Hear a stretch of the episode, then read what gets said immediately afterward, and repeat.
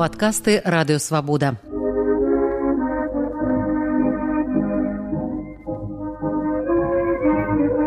Сто гісторый пра БНР з Сергеем Шупам.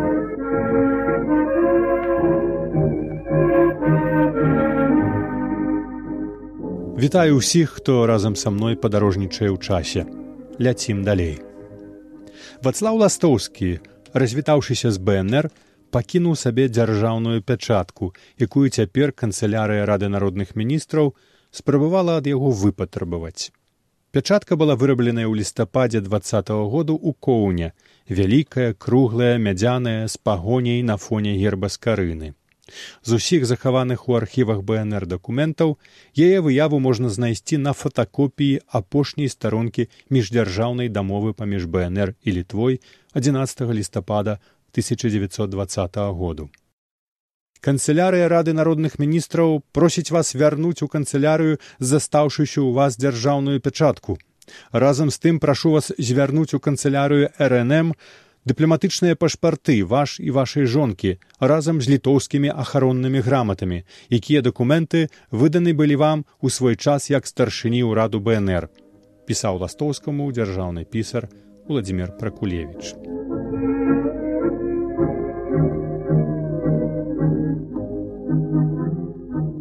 Фізычна беларуская акцыя ў літве скончылася другога лістапада 1923 году, калі ўсе ковенскія дзеячы бнр пераехалі ў прагу. Разам з тым скончылася і нешта іншае. Рэч у тым, што чэшскія ўлады, не жадаючы сварыцца з палякамі, якія нібыта нават пратэставалі ў гэтай справе, дазволілі беларускім палітыкам прыехаць у прагу выключна ў якасці прыватных асобаў палітычных эмігрантаў перад імі была пастаўленая ўмова нідзе і ніяк адкрыта і публічна не выступаць як урад або нейкія іншыя структуры беларускай народнай рэспублікі. Выбар прагі ў якасці месца побыту найперш быў абумоўлены тым што там на той час назбіралася ладная беларуская грамада. Паўтары сотні студэнтаў з заходняй беларусі латвіі літвы а таксама эсэраўскія дзеячы. Важны быў і шырэйшы кантэкст шматлікія расійская і украінская эміграцыі, сярод якіх вядучае месца займалі дзеячы блізкага бнраўцам сацыялістычнага кірунку. Для арганізацыйнай і грамадскай дзейнасці была створаная надпартыйная беларуская рада ў чахаславатчыне. У пастанове міністэрства ўнутраных справаў чахаславатчыны пры зацвярджэнні статуту беларускай рады было падкрэслена паводле гэтага статуту суполка ёсць непалітычнай і не можа ні весці палітычную дзейнасць ні ўдзельнічаць у ёй. Абсалютна выключана каб суполка вяла нейкую дзейнасць якая не прадугледжаная сферамі дзейнасці прадпісанымі ў статуце.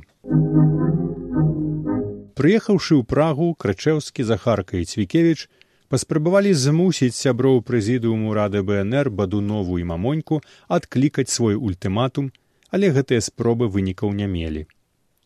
Умоваў ультыматуму лідары бнр таксама не прынялі і ў выніку эсеры зрабілі абяцаны публічны стрэл.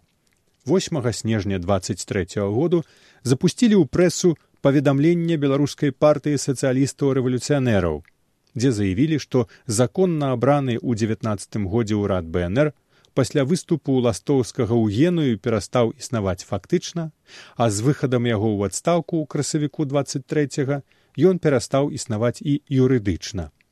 Дзяржаўная калегія была названая штучнай фікцыяй, якая неўзабаве і знікла. Утвораны пазней урад цвікевіча паводле аўтараў паведамлення не можа лічыцца законным, будучы безадказным і самазваным. Сам цвікевіч у празе не застаўся, і ў канцы лістапада вярнуўся ў коўна. Вацлаў ластоўскі, выдаючы крывіч, думаў пераважна пра Беларусь і каля 30 асобнікаў часопіса слаў на савецкія адрасы. Амаль з усіх адрасоў бібліятэкаў культурных і навуковых установаў часопіс вяртаўся назад. У гэтай справе выдавец напісаў ліст скаргу народнаму камісару асветы бСр усеваладу ігнатоўскаму ці дайшоў ліст да адрасата невядома. Затое крывіч дайшоў да бібліятэкі петраградскага універсітэту, дзе выпадкова трапіў у рукі сапраўднаму рэлікту беларускай навукі і культуры прафесару браніславу эпімаху шыпілу лідару беларускага культурнага руху пачатку 900-х гадоў у пецярбургу дарагія і каханыя рэдактары пане вацлаве і пане кляўдышу пісаў прафесор успомніце аб сваім старым земляку который цудам правіў цалеў дагэтуль астаўшыся тут адзінокім як палец і перажыўшы вельмі цяжкія гады холаду голаду і небяспекі.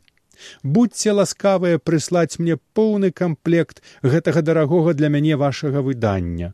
Аж слёзы радасці брызнулі ў мяне з вачэй як пабачыў я вашы назвіскі сардэчна ўсціскаю вас дарагія браты землякі і пасылаючы вам і ўсім там беларусам свой нізенькі паклон астаюся з пашанай адданы вам браніслаў эпімах шыпіла.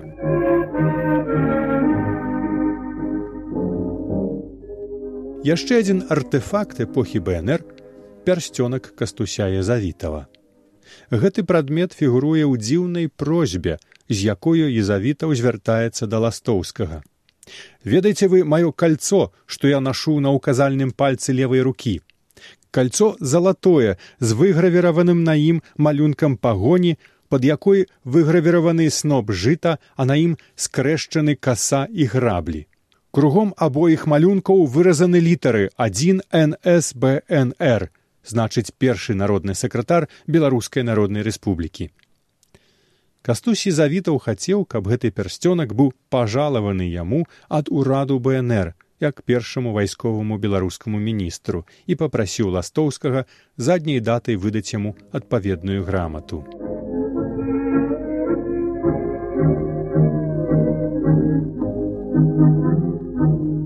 Акцыя выступаў прыгнечаных польшчы нацыянальных мяншыняў працягвалася. У жніўні двадцать четверт году ў парыжы пры падтрымцы мзс літвы ствараецца беларуска-украінска-літоўскі камітэт паняволеных польшчай народаў які ўзначальвае ластоўскі у верасні ён падае на пятую сесію лігі нацыяў у жэневе чарговы мемарандум у справе беларускіх земляў пад польскай уладай У гэтым яму зноў спрабуюць перашкодзіць колішнія паплечнікі. Старшыня рады БНР крычэўскі шле тэлеграму старшыні легінацыю полю і мансу, а таксама кіраўнікам польскай і літоўскай дэлегацыяў, дзе папярэджвае, што беларускі народ нічога супольнага не мае з панам ластоўскім урадоўцам міністэрства замежных справаў літвы і супраць яго дзейнасці не раз пратэставаў. Старшыня рады пры гэтым спаслаўся на пастанову віленскага краёвага цэнтру ад 11 сакавіка 24 -го году аб пазбаўленні ластоўскага права на палітычныя выступы а краёвы цэнтр это паўсакрэтная каардынацыйная арганізацыя створаная ў вільні луцкевічам пасля выбараў у сэем 22 -го году у якіх ён луцкевіч катэгарычна адмовіўся ўдзельнічаць.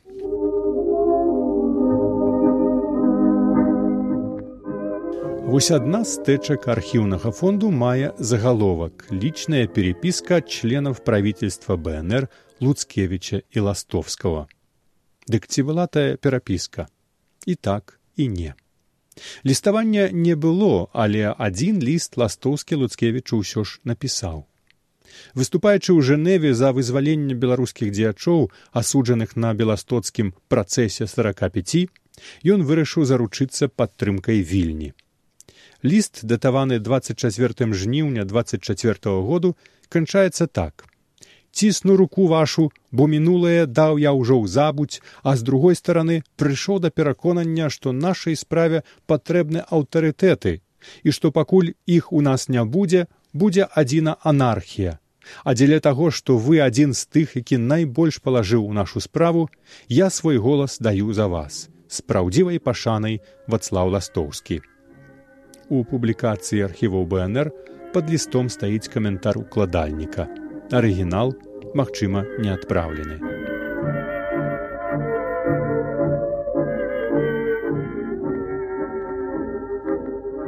Вы слухали падкаст радыёвабода усе падкасты свабоды ў інтэрнэце на адрасе свабода кропка орг штодня у любы час у любым месцы.